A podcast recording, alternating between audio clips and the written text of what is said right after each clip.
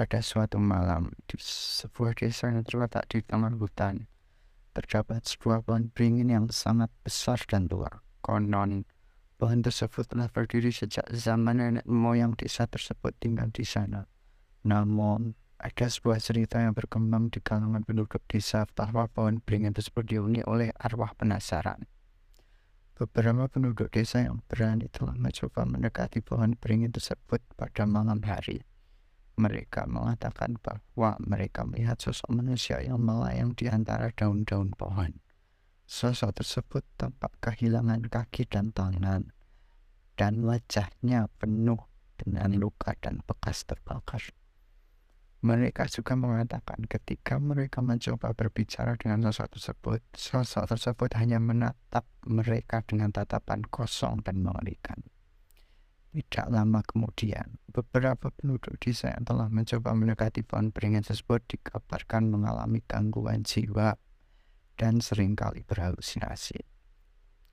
Kisah mengerikan tentang pohon beringin ini akhirnya menyebar ke seluruh desa, dan penduduk desa mulai menghindari pohon tersebut pada malam hari.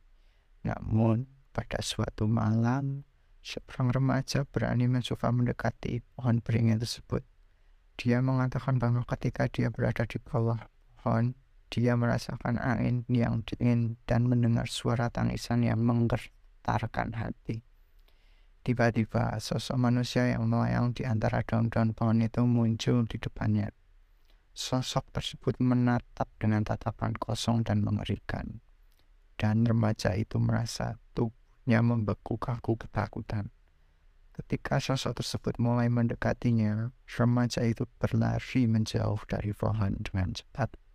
Sejak itu, penduduk desa semakin yakin bahwa pohon beringin tersebut dihuni oleh arwah penasaran yang mengerikan.